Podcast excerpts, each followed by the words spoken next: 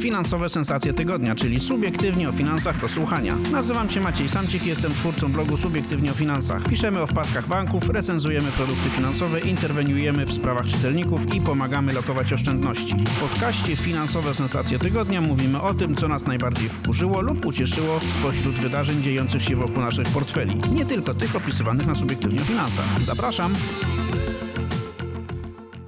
Dzień dobry, nazywam się Maciek Jaszczuk. E, Witam w kolejnym odcinku podcastu Finansowe Sensacje Tygodnia.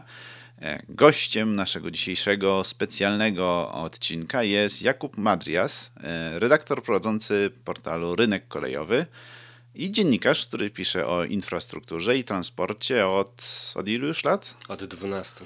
A więc tak, no nie ma wielu ciekawszych i bardziej obeznanych w, w tej tematyce ludzi, z którymi chciałbym porozmawiać. E, a o czym chciałbym porozmawiać?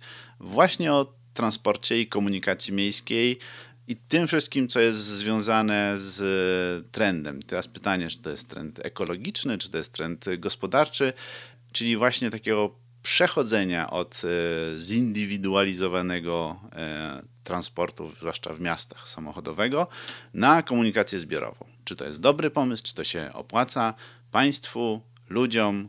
O tym dzisiaj porozmawiamy. Dzień dobry, witam wszystkich słuchaczy i słuchaczki. To pierwsze pytanie. e, Czym do nas przyjechałeś? Przyjechałem transportem kombinowanym, częściowo samochodem, e, potem autobusem. Liczyłem sobie tutaj e, przed przyjazdem, co by mi się bardziej opłacało. Czy dojechać tutaj do naszego studia komunikacją mm, publiczną? Tak zrobiłem i wydałem na bilet w sumie 7 zł w jedną stronę, więc jeszcze będę musiał wydać drugie 7 zł w drugą stronę. Czy przyjechać samochodem? E, Tutaj też zależnie od spalania, pewnie koszt łączny byłby podobny. Mam to szczęście, że nie ma tu strefy płatnego parkowania, więc przynajmniej zaparkowałbym za darmo. Jak to wygląda w, w tym kontekście warszawskim? Czy, czy opłaca się przyjeżdżać samochodem do centrum miasta? Już widzimy od razu pierwszą rzecz, czyli to, jak bardzo strefa płatnego parkowania albo jej brak e, zachęca i zniechęca do wyboru samochodu, tak? Czyli kształtuje bardziej niż e, przysługuje się finansom miasta, kształtuje nasze zachowania komunikacyjne. To jest e, ta ważniejsza część płatnego parkowania. Wprowadza się on tam, gdzie jest po prostu za mało miejsc parkingowych. Jeśli chodzi o ten e, nasz indywidualny wybór, e, też mogę się posłużyć przykładem Warszawy, bo tu jeżdżę i od kąt pamiętam od czasów licealnych, czyli już naprawdę długo, e, zawsze mam bilet okresowy na jak najdłuższy okres. W tej chwili dla e, posiadacza karty warszawiaka to jest 250 zł za kwartał, czyli 1000 zł rocznie. E, I moim zdaniem to jest bardzo niska cena. Ponieważ miasto nie podnosiło tych opłat od wielu lat, to właściwie jest za niska cena, zbyt mały jest ten udział naszego finansowania mm, użytkowników. E, Moim zdaniem oczywiście, ktoś może się nie zgodzić. W tym momencie, jeśli mamy ten bilet okresowy, możemy nim pojechać e, po mieście wszędzie, bo też pociągami, e, metrem, tramwajami. No to wybór samochodu jest już w bardzo konkretnych przypadkach, gdzie to jest albo musimy coś przewieźć, albo jest to wyjątkowo szybciej, bo na przykład jedziemy obwodnicą, gdzie ta oferta komunikacji jest niestety gorsza. Tak, tak to wygląda w moim przypadku. Natomiast y, no, wydarzyła się pandemia. Mm, Dużo osób pracuje e, częściowo zdalnie, musi być w pracy e, na przykład dwa, trzy razy w tygodniu, nie musi dojeżdżać codziennie i może już im się nie kalkulować ten bilet okresowy, więc być może miasta powinny pomyśleć nad takim, taką ofertą dla takich osób, która nie będzie aż tak droga jak bilety jednorazowe, no bo one są zauważalnie droższe, jak zauważyłeś, ale jednak będzie zachęcała do stałego korzystania z komunikacji. Mm, To jest ciekawe, co powiedziałeś, czyli że strefy płatnego parkowania nie mają takiego celu powiedzmy fiskalnego, tylko e, bardziej są, e, realizują pewną politykę miasta, tak? Czyli e, oczywiście z tego są wpływy i nie ma co tego ukrywać. E, natomiast e, tym narzędziem można też właśnie kształtować pewne, e, pewne zachowania. I teraz pytanie, dlaczego miastu miałoby się opłacać to, by nie wpuszczać e, tylu samochodów czy do, do, do centrum? Po co ma zachęcać mieszkańców czy przyjezdnych do korzystania z komunikacji publicznej, skoro, jak sam powiedziałeś, ta komunikacja jest za tania czy bilety są za tanie w porównaniu do tej oferty, którą, którą mamy. Tak? Jak rozumiem, cały czas mówimy o warszawskim, warszawskich warunkach, ten cały biznes jest deficytowy dla miasta. Dla każdego miasta na świecie ten stricte finansowo ten biznes jest deficytowy. Jeśli, e, jeśli policzyć to e, tak wprost, ile mm, przychodów jest z biletów, e, to jest od 20 do 40% e, mm, kosztów takich bezpośrednich, które są pokrywane. Natomiast no, musimy na sprawę patrzeć zawsze e, szerzej. W transporcie są e, dwie kluczowe rzeczy. Pierwsza to jest e, koszt energetyczny przewiezienia osoby. E, w samochodzie osobowym ze względu na jego masę jest on zdecydowanie największy. Mm, no oprócz private jetów, tak, ale tu do pracy mało kto się szczególnie w Polsce private jetami porusza. E, tak więc wieziemy ten e, ważący tonę dwie samochód, oprócz tego pasażera, to wszystko musimy zbudować, później zapewnić mu paliwo. To jest nieefektywne energetycznie i gdzieś jako społeczeństwo ten koszt e, ponosimy, zaraz powiemy o tym gdzie. A druga rzecz, jeśli nawet stać nas na to, żeby ten koszt ponosić, to jest zajętość przestrzeni, ponieważ e, średnio w polskim mieście samochód e, ma od 1,1 do 1,2 pasażera, czyli w 9 przypadkach na 10 jedzie nim sam kierowca to ta przestrzeń zajmowana przez e, samochód jest bardzo, bardzo duża. To jest przestrzeń zajmowana przez 40-krotnie więcej niż jeden autobus, e, nawet nie do końca e, wypełniony ludźmi. W tramwaju ten stosunek jest jeszcze bardziej korzystny. I tej przestrzeni w mieście, szczególnie w centrum, nigdzie na świecie nie ma wystarczająco dużo, żeby każdy mógł się poruszać samochodem. To, jest, to wynika z geometrii, tak? Im bardziej się zbliżamy do środka czegoś, tym, tym więcej tej przestrzeni y, zajmujemy, tak? E, tak więc nawet w największych amerykańskich miastach, gdzie ten e, trend prosamochodowy jest największy, nie udało się zbudować tylu dróg, a przecież budują nie wiem, po 13 pasów, żeby nie było korków. Zawsze dokładanie kolejnych pasów powoduje, że więcej ludzi jedzie samochodem i problem nawraca. Jest bardzo dużo jakichś właśnie zabawnych memów na ten temat, że jeszcze jeden pas tą sprawę załatwi, dokładamy ten jeszcze jeden pas i stoimy i stoimy dalej. I to samo widzimy w polskich miastach, które też poszerzają ulice po to, żeby one za 4-5 lat znowu się zakorkowały. Jest chyba coś w tym. Y, ja się sam nie poruszam samochodem y, po, po, po Warszawie, ale z perspektywy pieszego widzę, tak, że nie wiem, przebudowana Świętokrzyska, e, gdzie są bardzo szerokie chodniki i, i, chyba jest jeden pas, tak, w jedną i w drugą stronę. Nie jest to ulica, która jest jakoś dużo bardziej zakorkowana niż kiedyś. Jakby po prostu pewnie ruch się przesuwa gdzie indziej, tak? Jeżeli kierowcy wiedzą, że, że tutaj nie przejadą, no to po prostu szukają, szukają innych, innych dróg, więc jakby to samo zawężenie kilku ulic w centrum miasta być może takich tych korków nie, nie spotęguje, a przynajmniej zadziała tak jak te strefy płatnego parkowania, czyli nie pakuj się, bo po prostu ci się to nie opłaca. Znaczy, ja mam wielką nadzieję, że ten ruch przesunął się po prostu pod ziemię. E, pamiętajmy, nad, pod, pod ulicą Świętokrzyską otwarto drugą linię metra, na którą wydaliśmy jako społeczeństwo nie tylko warszawskie, bo to też dotacje unijne były, e, wiele miliardów złotych. E, metro ma gigantyczną przepustowość. Ono zastępuje 14 15 pasów e, ruchu na ulicy, tak więc e, zawężenie e, ulicy Świętokrzyskiej z trzech czy dwóch pasów do jednego no zupełnie nie powoduje, że to metro się zapcha, tak? To zawsze do tego metra zawsze, zawsze jeszcze ktoś się zmieści, bo w Warszawie tak naprawdę około 33-37% osób dojeżdża do pracy samochodami. E, większość, ponad 50%, e, korzysta e, z komunikacji publicznej, oczywiście w połączeniu z piechotą, bo do przystanku trzeba dojść, albo pozostałe kilkanaście procent to jest albo podróże piesze, albo rowerowe. Tak więc już teraz i od zawsze tak w Warszawie jest też dzięki inwestowaniu w komunikację, w komunikację większość osób z komunikacji zbiorowej korzysta. I teraz pomyślmy sobie, przy tym obecnym systemie drogowym, gdzie mamy w, ciągle ulice pięciopasmowe w centrum nawet, tak? Gdyby tych wszystkich ludzi z pociągów, z metra, z tramwajów wsadzić do samochodów, kazać im jechać do pracy, no nikt by nigdzie nie dojechał, tak? Tak więc to, że ktoś może jechać w Warszawie czy w innym dużym polskim mieście samochodem do pracy i dojedzie, choć w korkach, no zawdzięcza tylko temu, że większość jego współmieszkańców e, wybrała transport publiczny i zajęło mniej tej przestrzeni, bo ta przestrzeń jest w mieście najcenniejsza. To, na co ludzie, sam zresztą, e, utyskują, jeśli chodzi o komunikację.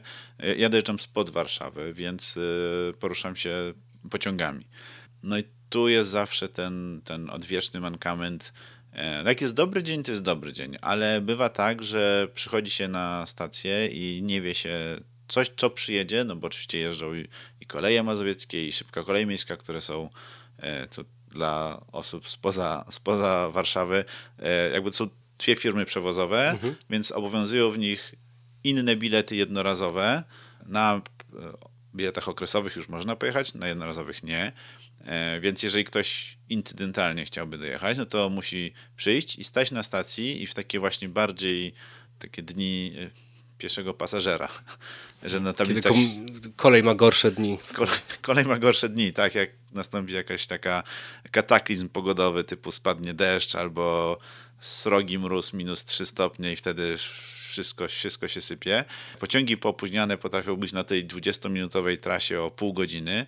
Na szczęście jest ich dużo, więc akurat coś przyjeżdża, można wsiąść, ale nie wiadomo jaki bilet kupić, a różnice są spore, tak? No bo można dojechać SKM-ką do centrum na bilecie tym y, z, komunikacji miejskiej y, warszawskiej za 3,40, ale ta sama trasa w kolejach mazowieckich jednorazowo kosztuje już chyba 7 zł, czyli dwa razy więcej.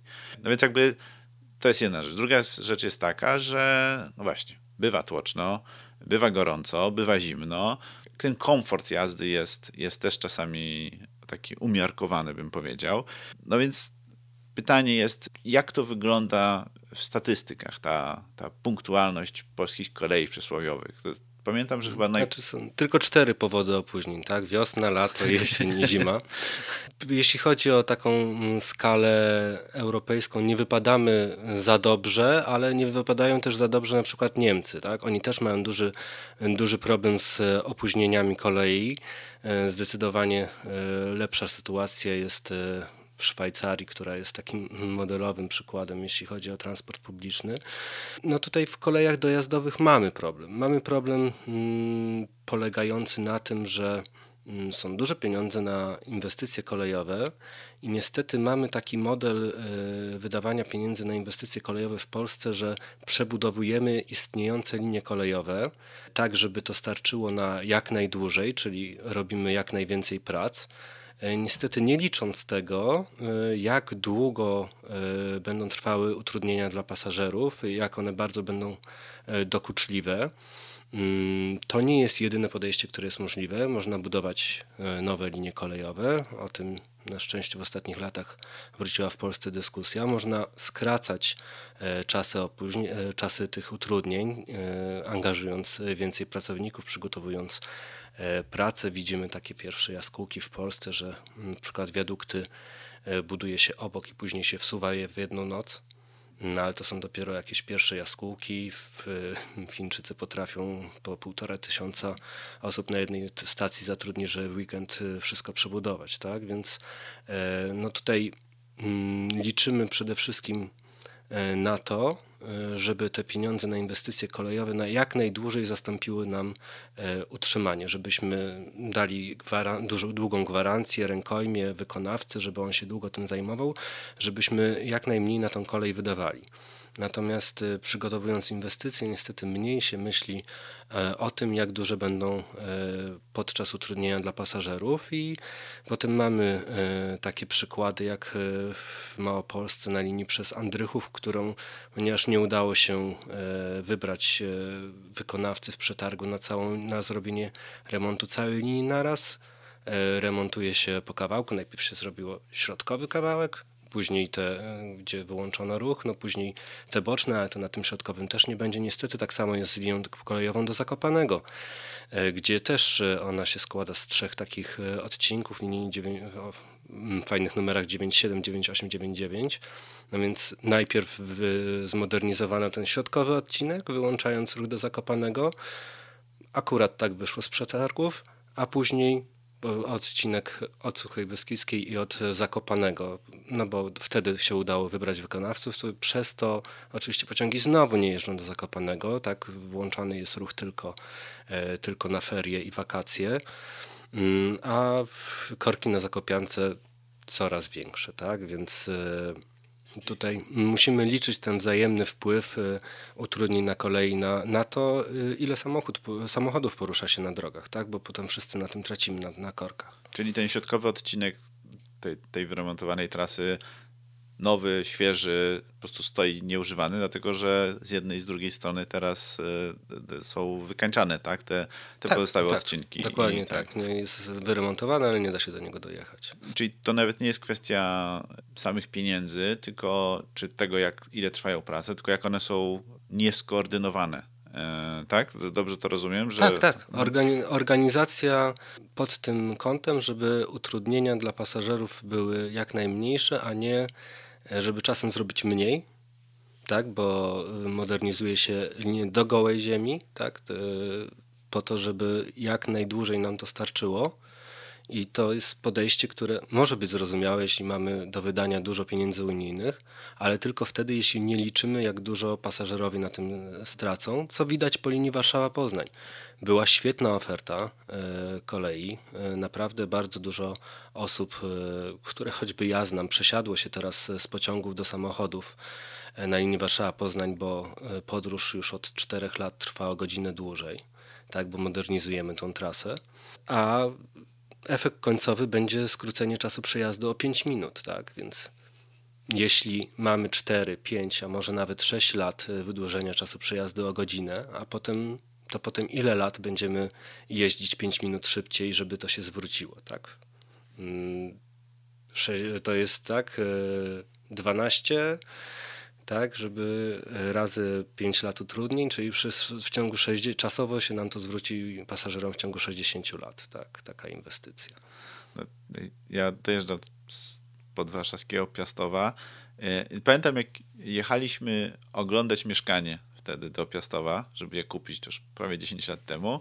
To spóźniliśmy się na to spotkanie ze względu na to, że jakaś była przebudowa te, tej linii skierniewickiej. I od tych 10 prawie lat non-stop tam coś się dzieje. Teraz akurat jest przebudowany dworzec zachodni, przez to są opóźnienia. Jakby non-stop tam się coś dzieje na tej linii i, i jeszcze chyba jest zaplanowane, bo teraz będzie zachodni przebudowany, jak skończą przebudować zachodni, to będzie ta linia średnicowa. Tak naprawdę można całe życie przeżyć i, i, być w trakcie remontu linii skierniewickiej. Znaczy, no ja mogę ci tylko powiedzieć, że mniej więcej w tym samym czasie ja e, szukałem mieszkania, mieszkając wcześniej przez e, prawie 30 lat w Piastowie. Szukałem go poza Piastowem i kupiłem mieszkanie w Warszawie przy metrze, właśnie stwierdzając, że mm, ten dojazd koleją nie jest taki pewny. Ale już jakby schodząc z tego tematu kolei, bo miejmy nadzieję, że po zakończeniu tych modernizacji e, w końcu będzie dobra oferta, bo widać to na, e, na tych liniach, e, na których te wszystkie prace się zakończyły, mm, że oferta jest lepsza, tak, więc już zostawmy to, bo to po, za, za dekadę zobaczymy te efekty na razie musimy przecierpieć, chociaż mam nadzieję, że to podejście troszkę pod pasażera także podczas pracy mm, się uda poprawić. Zobaczmy na to, o czym rozmawiamy, jeśli chodzi o te codzienne dojazdy. Mm, nie rozmawiamy o cenie e, tego biletu. Uznajemy, że e, zarabiając, pracując w mieście w Polsce, e, stać nas na, na bilet komunikacyjny. Zresztą jest to dużo tańsze niż posiadanie i używanie samochodu. Już abstrahując nawet od kosztów zakupu które nie jest za darmo i kosztów miejsca garażowego, które kosztuje 45 tysięcy złotych e, w bloku albo i więcej e, ubezpieczenia samochodu. Już załóżmy, że ten samochód mamy, jeździmy na wakacje albo, albo po przysłowie fortepian, e, to i tak no, dojeżdżając codziennie do swojej pracy, wydajemy dużo pieniędzy na paliwo. To są setki złotych miesięcznie. E, podczas gdy no, bilet kwartalny y, mamy za 250 zł w Warszawie, tak? Więc to ciągle, ciągle nie jest, nawet jak już mamy ten samochód, mamy garaż, to ciągle nam się finansowo opłaca kupić bilet długookresowy, jeśli te 3, 4, 5 dni w tygodniu do pracy musimy pojechać. E, I rzeczywiście wychodzi to w badaniach, we wszystkich badaniach e, preferencji pasażerów tak, czy mieszkańców, które e, czytałem, ta kwestia ceny biletów jest na samym końcu. Tak? Jeśli chodzi o wybór tego środka, najważniejszy jest czas dojazdu. Po drugie, pewność, tak? czyli to, o czym mówiłeś e, dojeżdżając z Piastowa, że ten pociąg musisz wiedzieć, czy autobus musisz wiedzieć, że on będzie i że się nie spóźni. Potem jest komfort, że nie będzie zatłoczony, że się zmieścisz, że się nie spocisz. Tak? E, to są te najważniejsze czynniki, które trzeba zapewnić pasażerom i jakby one później w rozmowach e, się potwierdzają, tak, że człowiek nie narzeka na to, ile wydał na bilet miesięczny, przynajmniej mniej częste są narzekania niż na to, że pociąg się spóźnił, na to, że autobus był zatłoczony, e, na to, że być może brzydko pachniało. Tak? To są te rzeczy, na których komunikacja musi się, e, musi się skupić. I tu wracamy do kwestii cen biletów. Według mnie ceny biletów w Warszawie są za niskie. W Łodzi mieliśmy do czynienia z drugą podwyżką. Tam teraz są najdroższe bilety komunikacyjne e, w Polsce i to jest e, być może przegięcie w drugą stronę, ale Warszawa przy jednej z najlepszych komunikacji w Polsce, zdecydowanie e, najtańsze bilety okresowe czy jednorazowe i to jest za mało. Tak? Ta, ten udział finansowania przez pasażerów komunikacji spadł tak bardzo, że zaczyna brakować pieniędzy na kierowców, zaczyna brakować pieniędzy na obsługę kursów, tak? Więc autobusy czy tramwaje jeżdżą nam coraz rzadziej. E, to w dużej mierze przełoży się na obniżkę wpływów, bo ludzie przestaną korzystać z komunikacji, tak? Więc e, trzeba w Warszawie podnieść ceny biletów, żeby utrzymać jakość oferty, żeby autobusy i tramwaje jeździły często, dobrej jakości i ja jako użytkownik jestem e, skłonny i rozumiem, e, rozumiem taką podwyżkę i jestem e, jak najbardziej skłonny za dobrą ofertę zapłacić. No tak, nie jest to jakiś bardzo popularny pogląd. Ta wszechinflacja wszystkiego, co, co właściwie da się kupić. Z jednej strony na pewno podwyżka cen biletów wzburzyłaby społeczeństwo czy mieszkańców. E, z drugiej strony, może jak wszystko dojrzeje, to łatwiej ludziom będzie przełknąć czy zrozumieć to, że, że bilety też muszą zdrożeć. Mhm. Chociaż... Ale to musimy po prostu pomyśleć o tym realnie. Jeśli Warszawa od e, nie pamiętam ilu, ale co najmniej 8 lat nie podnosiła cen biletów, to wskaźnik inflacyjny mówi nam, że ceny biletów drastycznie spadły. Tak? Po tak. prostu. Mamy tańsze bilety niż 4-5 lat temu e, i to by było dobre, jeśli dawałoby to e, efekt taki, że więcej osób korzysta z komunikacji, ale nie. Ludzie chcą korzystać w miastach z komunikacji e, nie dlatego, że dostaną ją za złotówkę czy za darmo, bo już były takie eksperymenty, tylko dlatego, że te autobusy jeżdżą często, są czyste e, i e, mają realne rozkłady jazdy. Tak więc musimy dawać dobrą ofertę, autobus co 5 minut, po buspasie, żeby nie stał w korkach, a ta cena oczywiście nie może być duża, ale musi być e, waloryzowana, tak jak inne ceny o wskaźnik inflacji. Nikt nie burzy się, że płaci więcej za internet, za telefon komórkowy, za różne Kanal Plus, tak? Bo wie, że wszystko drożeje, bo jest inflacja. Tak więc po prostu wskaźnik inflacyjny w cenach biletów musimy zawrzeć i nie robić z tego wielkiego halu, że w tym roku kosztował bilet jednorazowy 4,40, a w przyszłym roku kosztuje 4,81. Tak, bo możemy go wprost zapisać. To nie jest problem. To by było pójście trochę w drugą stronę e, wobec tego, co zrobili teraz przez lato Niemcy, którzy w ramach swoich tarcz i antyinflacyjnych, i tych, które miały przeciwdziałać kryzysowi energetycznemu, postanowili dotować, e, czy obniżyć ceny, no czyli de facto dotować e, właśnie transportu publicznego. Te, te słynne bilety kolejowe chyba tam po 9,90 euro. No to właśnie nie kolejowe, tylko na całą komunikację, tak? Poza tam szybkimi pociągami ICE. No, no właśnie, czy ten eksperyment trwał chyba 3 miesiące, sensie eksperyment, ten, ten pro, program kosztował 2,5 e, miliarda euro i chyba przyniósł rezultaty takie, jakie oczekiwano, czyli część ludzi się przesiadła rzeczywiście z, z samochodów na, na, na transport zbiorowy. No pytanie, czy to się opłaca i czy jakby w tej sytuacji, którą mamy teraz, czyli drugiego paliwa, tego typu zachęta, no bo mówiliśmy wcześniej o tym, że na przykład strefa płatnego parkowania to jest, to jest e, sposób polityki, prowadzenia przez miasto polityki, tu musicie zapłacić, e, więc nie przyjeżdżajcie, tak? zmniejsz, ograniczamy liczbę pasów, w zamian dając komunikację zbiorową, tak? Jak wjedziesz samochodem, będziesz stał w korku, jak przyjedziesz metrem, to przejedziesz sobie e, przez całą Warszawę z jednego końca na drugi w 20 minut. Czy takie zachęta pod tytułem e, zróbmy bilet e, na całą komunikację w Polsce za 10 zł, czy to miałoby sens? Czy to mogłoby jakoś długotrwało, długotrwale zmienić ten trend? I czy to w ogóle mieści się w, w tej wyobraźni E, polityki transportowej, która, która jest w Polsce prowadzona. Mhm. Znaczy, ja byłem zaskoczony, jak dużo e, biletów po 9 euro sprzedali Niemcy. To wygląda na to, że co drugi Niemiec ten bilet kupił. Z drugiej strony, no, jak to jest prawie za darmo, to już za jeden przejazd nam się, nam się opłaca go kupić. Tak? Rzeczywiście przewozy e, na kolei czy w transporcie publicznym w Niemczech bardzo wzrosły odrobinkę mm, zahamował się względem poprzednich e, lat trend wzrostowy w transporcie samochodowym, jednak ten udział transportu samochodowego w Niemczech e, wciąż jest bardzo duży, więc to tak naprawdę kolej przewożąc o 20% więcej pasażerów zdjęła e, ze 3% transportu drogowego. Tak? To jest, już może dokładne liczby pomyliłem, ale to jest ta skala. Tak? Więc E, tutaj to nie była jakaś masowa przesiadka kierowców. Myślę, że skorzystali e, promocyjnie, tak, na tym, że promowali e, transport publiczny, to zdrowe podejście. Dużo turystów, na przykład z Polski, mogło stwierdzić, że to jest dobra okazja do zwiedzenia Niemiec. Znam takie osoby, które skorzystały, skorzystały z tego, żeby odkładany długo wyjazd na zwiedzanie Niemiec mm, w końcu zrealizować.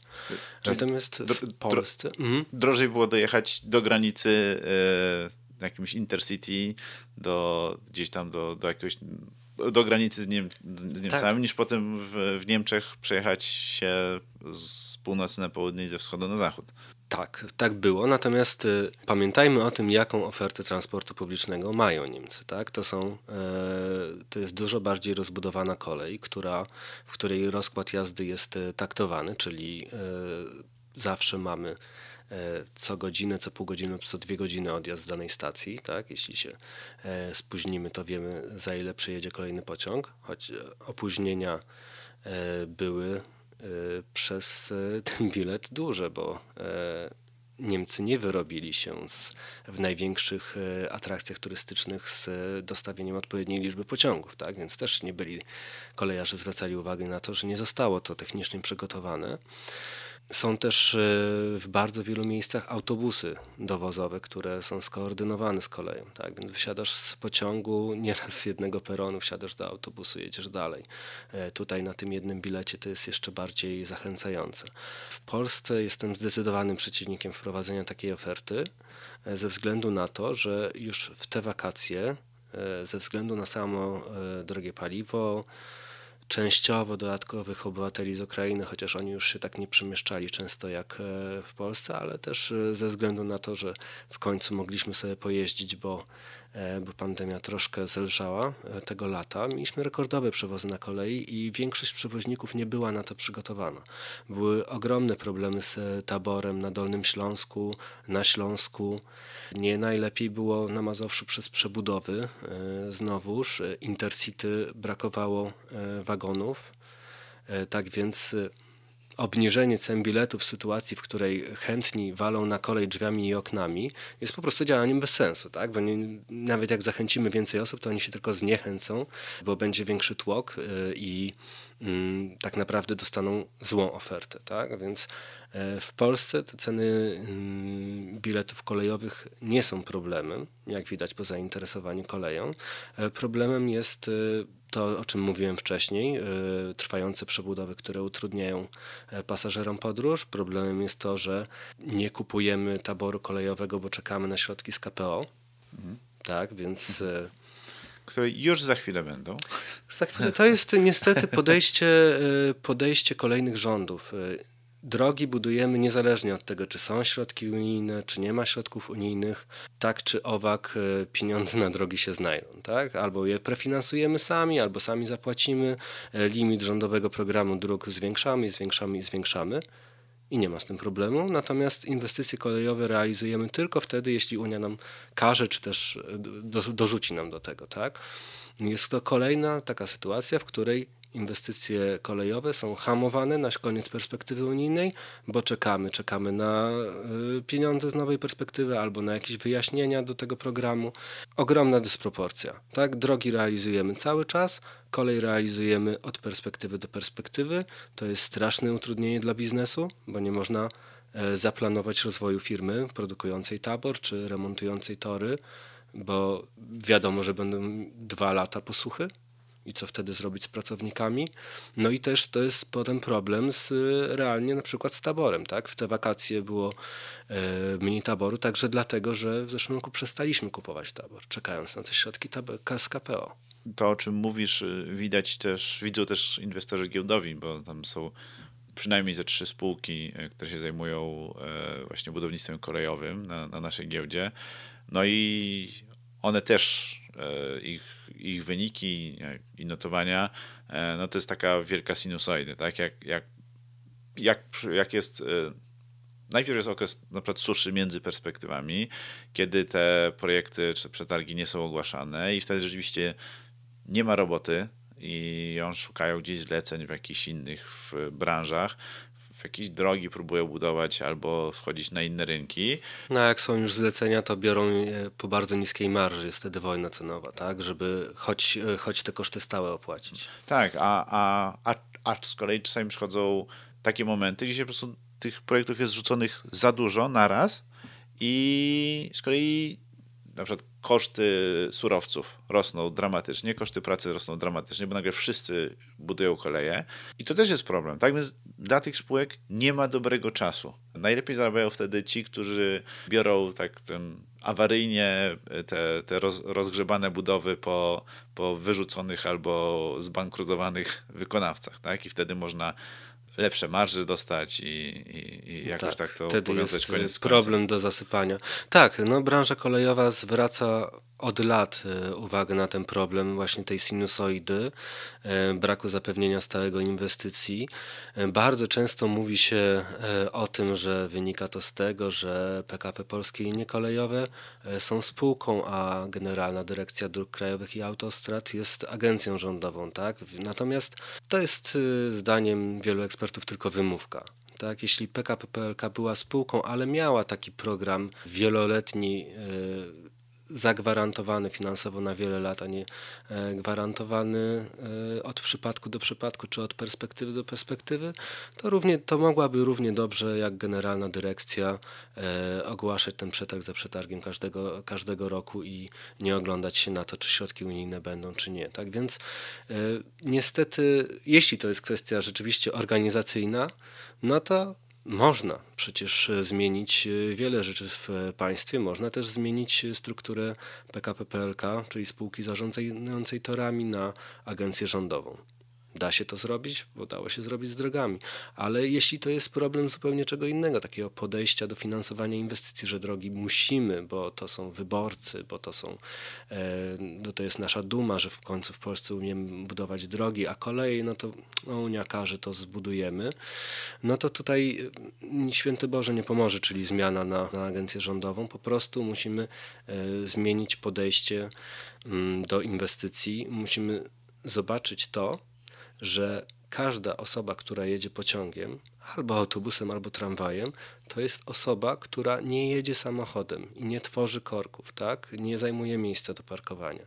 Osoby, którym powinno najbardziej zależeć na tym, żeby promować e, komunikację zbiorową, to są kierowcy. To są osoby, które za nic w świecie nie porzucą samochodu, bo oni powinni namawiać wszystkich innych wsiadajcie w metro, zbuduj, budujcie im tramwaje, niech oni wsiadają, niech oni zostawią tą drogę dla mnie. Okej. Okay. Naprawdę.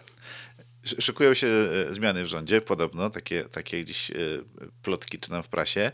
E, no i załóżmy, że po weekendzie okazuje się, że Jakub Madrias został nowym ministrem infrastruktury i transportu. To jaki masz program? Co trzeba by było zmienić tak na szybko i na długo, E, żeby ucywilizować w Polsce, czy jakby, czy pchnąć jeszcze do przodu ten, ten kwestię transportu, niekoniecznie zbiorowego, ale tego, żeby to jakoś tak dobrze zrównoważyć. Od czego byś zaczął i na czym byś skończył? Gdybyś miał władzę? To jest pytanie, do którego się nie przygotowałem, bo e, nie mam ciągu do władzy.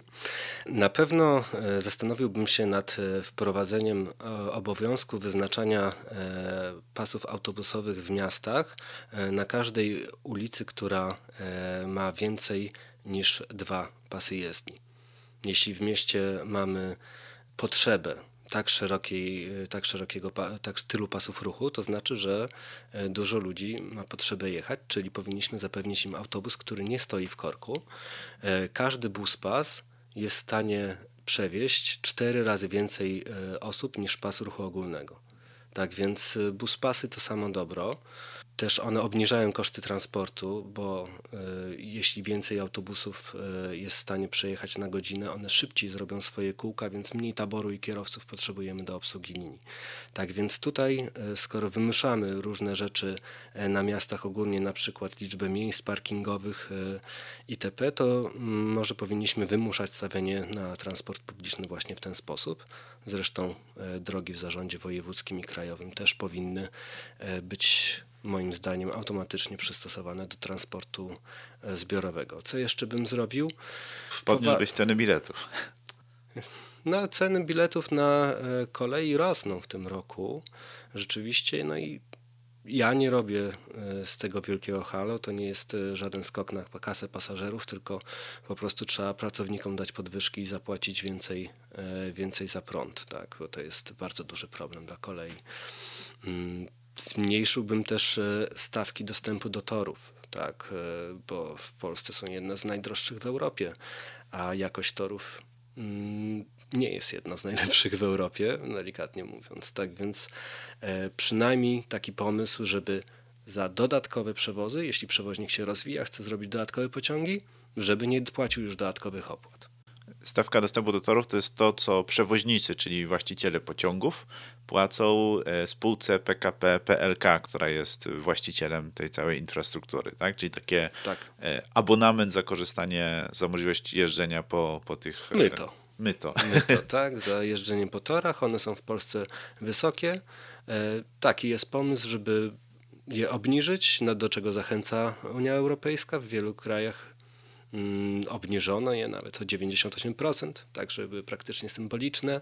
W Polsce na pewno pomogłoby to przewoźnikom uruchamiać więcej połączeń, a o ile w e, takich miastach jak e, Warszawa, Wrocław, e, Poznań czy Gdańsk już pociągów jest uruchomionych tyle, ile się da, to ciągle mamy linie kolejowe, na przykład przebudowywane za ciężkie pieniądze, linie do Mielca, Mm, za, za 200 milionów złotych, czy e, linię z Olsztyna do Ełku za 300 milionów złotych, gdzie mamy 3, 4, 5 pociągów w jedną stronę dziennie, tak? Więc wydajemy setki milionów złotych, żeby naprawić tory, a później, później ta oferta jest e, tragiczna, szczególnie w weekendy, gdzie na przykład mamy dwa pociągi. Możemy pojechać rano albo wieczorem.